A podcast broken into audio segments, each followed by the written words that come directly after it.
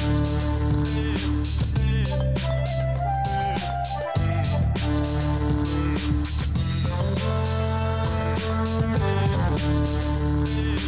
hører på Bærum biblioteks podkast Studio 44. 44.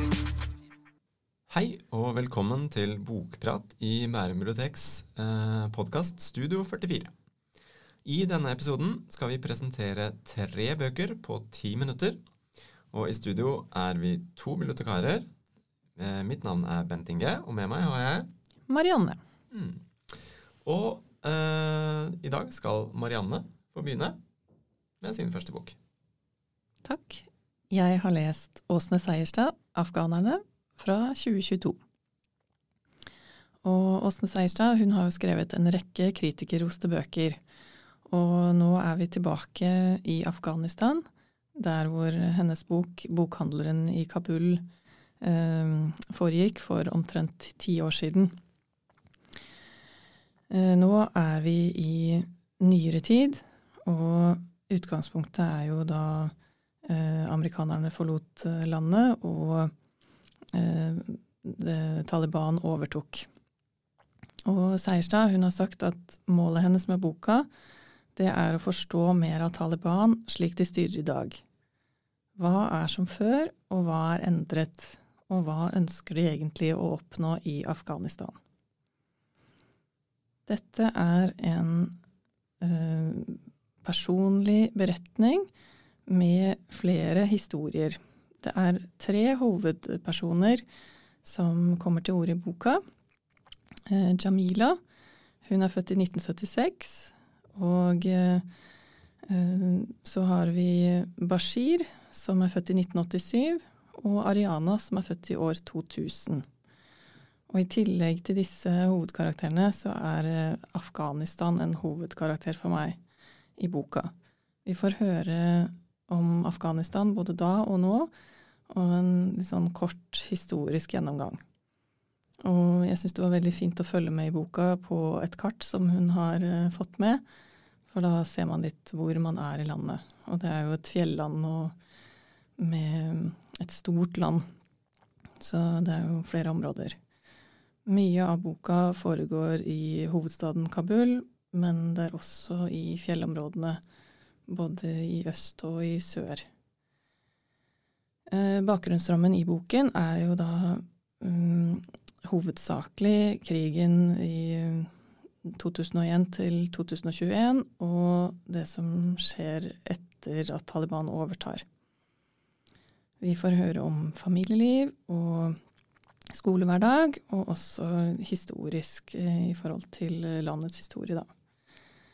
Det er en veldig sånn personlig og tankevekkende bok, og den greip meg veldig i forhold til at vi hører mye om Afghanistan på nyhetene, og kvinners stilling i landet.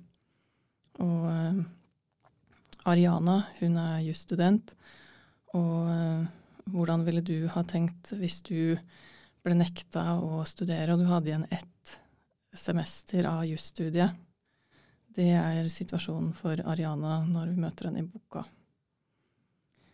Jamila, som er den eldste karakteren, hun, hun er også den som kanskje står tydeligst fram for meg, og hun er en av de som kommer seg ut av landet når landet stenges ned. Hun kommer ut med et av de siste flyene, og hun kommer som flyktning til Norge. Jeg syns det var en veldig gripende bok, og jeg tror det er en av de første bøkene som har fått en Taliban-kriger i tale, for det er nemlig det Bashir er. Han har holdt på å krige for jihad, hellig krig, i omtrent 20 år fra han var en ung mann. Han har også en av de som har flere koner, og vi får høre litt om hvordan det familielivet foregår. Og eh, noe av det som eh, Seierstad har fått frem, er jo også litt av deres historie, da. Så er det jo litt spennende å, å tenke seg eh, hva er sant, og er det, er det sant alt som står der? Og det kan man jo ikke vite, men det fremstår veldig troverdig, da. Så en veldig god bok. Det er en et veldig godt driv i boka. Den er relativt omfattende, stor eh, bok, men den går raskt å lese. Eh, Da skal vi hjem til Norge. Eh, En bok som også er rask å lese og ikke så lang, og eh, mye lettere lesning. Eh, Nora Eide eh, har skrevet sin debutroman 'Følgefeil'. Og det er mange romaner som handler om norske familier som ikke helt får til samlivet. Eh, denne er litt annerledes, eh, original og et nytt perspektiv. Vi møter Ingebjørg, som er mor til tenåringen Lilja, og hun er gift med Lasse, faren til Lilja. Eh, I starten av boken så har Lilja en danseopptreden, og Lasse er kjempestolt, men Ingebjørg hun føler seg litt uvel og reiser seg og går. Så utenfor så møter hun en gammel bekjent som sier 'Å, du danset jo hele tiden, og du og Lilja er helt like', og Ingebjørg bare nekter og nekter, og 'nei, du må forveksle meg med en annen'. Um, det viser seg at Lilja er ingen helt vanlig tenåring. Hun er nemlig helt lik moren, fordi hun er klonet av moren. Og dette eh, viser seg å være mye, eh, gjenstand for mye konflikt, både i den lille familien og også i storfamilien. Det er mye arv og miljø her, og vi eh, får etter hvert eh, kjennskap til eh, forholdet Ingebjørg har til sin egen mor, som ikke er spesielt bra. Og da eh, Lilja, Ingebjørg og moren drar på slektstreff, eh, en lang biltur eh, til Stryn, så får vi en del gode dialoger som viser hvor dysfunksjonell denne familien er. Og moren til Ingebjørg er jo også litt av en karakter. Og i familieselskapet så blir Ingebjørg utsatt for tanten sin og noen søskenbarn som hun helst ikke vil møte. Eh, og alle har en mening om både Ingebjørgs egen oppførsel og eh, selvsagt også det etiske spørsmålet rundt Lilja og det å klone seg selv. Så hun ser jo seg selv utenfra, sine egne trekk, går tilbake i sin egen historie og ser jo en del ting hun ikke liker. Eh, og så nøstes det jo da opp noen ting fra fortiden. Og hun blir jo da bekymret for Lilja, om hun skal ha det samme, de samme trekkene ved seg. Så den er litt ubehagelig å lese. eh, litt sånn fremtidsperspektiv, men likevel ganske nært. Eh, og tidvis også morsom, en sår og mørk humor. Eh, veldig annerledes familiehistorie. Vær så god, Anne Mariann. Ja, arv og miljø, sa du, og det er jo også litt av eh, gjennomgangstonen i Etterklang av Helga Flatland.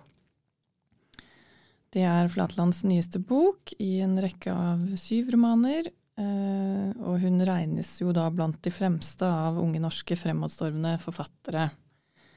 Hun har jo da beskrevet eh, veldig godt tidligere både sorg og tilknytning og oppbrudd i sin debut 'Bli hvis du kan, reis hvis du må'. Og jeg syns vi er litt tilbake igjen i stemningen fra den boka. Det er litt annen tematikk, eh, men eh, vi skal tilbake igjen til Telemark. Hjertet av Telemark. Og jeg skulle ønske dere kunne se boka, for den er veldig flott å se på. Det er et flott cover med en sånn eh, telemarksrose, ser litt sånn bunadaktig ut på forsiden. I eh, boka så er det to parallelle historier som vi får høre. Mathilde hun er 34 år og jobber som lærervikar. Og eh, hun jobber på videregående, og der har hun et forhold til en elev, Jakob på 18 år. Det er jo ikke spesielt greit eh, når man er lærer. Um, um, og så kommer korona, og da som veldig mange så får Mathilde litt sånn utferdstrang. Hun har lyst til å ut av Oslo, som eh, hun bor og jobber. Og da går jo turen da etter hvert til Telemark. Og mm, den andre hovedkarakteren i boka, det er eh, Johs, eh, da kortform for Johannes. Han er en eh, gårdbruker som også da underviser i hardingfele. Og han er barnebarn til Johannes, som var den beste og mest kjente tele, eh, Telemarks felespiller. Eh, bestefaren han eh, var eh, ikke kjent for å legge to fingre imellom, og han sa til eh, Johs at Du er talentløs, men du er fin å se på. Så der får vi litt av Johannes. Eh, hvordan han har hatt det i oppveksten, da. Han er lillebror, eh, men har hele tiden hatt et ønske om å overta gården. Og det så det lenge ut til at han skulle gjøre, men så kom storebror Andres og ombestemte seg med hensyn til odelsretten. Så han eh, kom tilbake igjen til gården, og nå driver de den sammen, da. Eh, gården er en tradisjonsrik gård fra 1600-tallet, og eh, det er jo litt av innholdet i boka er jo litt den her kontrasten som vi også har hørt tidligere fra Flatland, med bygdemiljø og bymiljø. Vi har Oslo og Telemark. Og så er det jo da korona som spiller en stor rolle i boka. Um, og eh, et viktig tema er jo det her med kjærlighet, og, og også da arv og tradisjoner.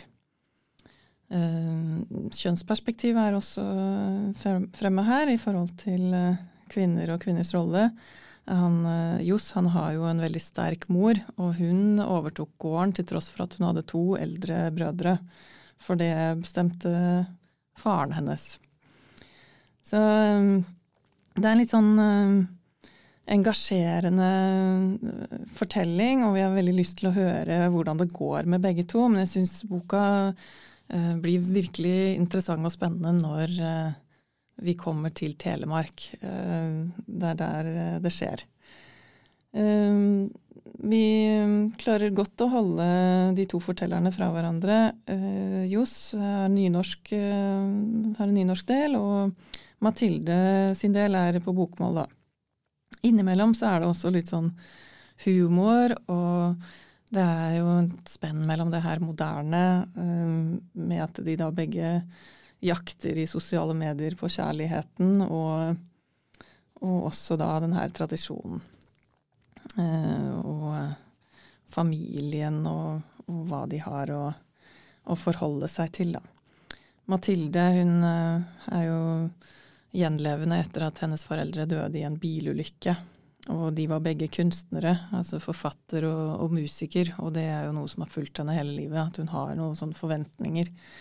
Og eh, hun også har jo da forfatterambisjoner, da. En uh, veldig god bok. Vi har jo mange på venteliste, men uh, det kan jo være mulighet for å få tak i noen av de bøkene vi snakker om, også via Bookbites, og også på hurtiglån. Og hvis du venter veldig ivrig på etterklang, så kan jeg jo si at det kan være fint å gå tilbake til Helga Flatland sin 'Bli hvis du kan, reis hvis du må', enn hvis du ikke har lest den før. Ellers så kan jeg også anbefale Marit Kapla sin Osebol, som også er litt sånn eh, fra et bygdemiljø da, i Sverige. Yes, veldig bra. I dag gikk vi litt over tida, men sånn er det av og til når vi skal snakke om bøker som er engasjerende. Eh, du kan selvfølgelig låne bøker på Bærum bibliotek, og hør også på våre andre podkaster eh, med bokprater og andre gode tips. Tusen takk for oss. Takk for oss.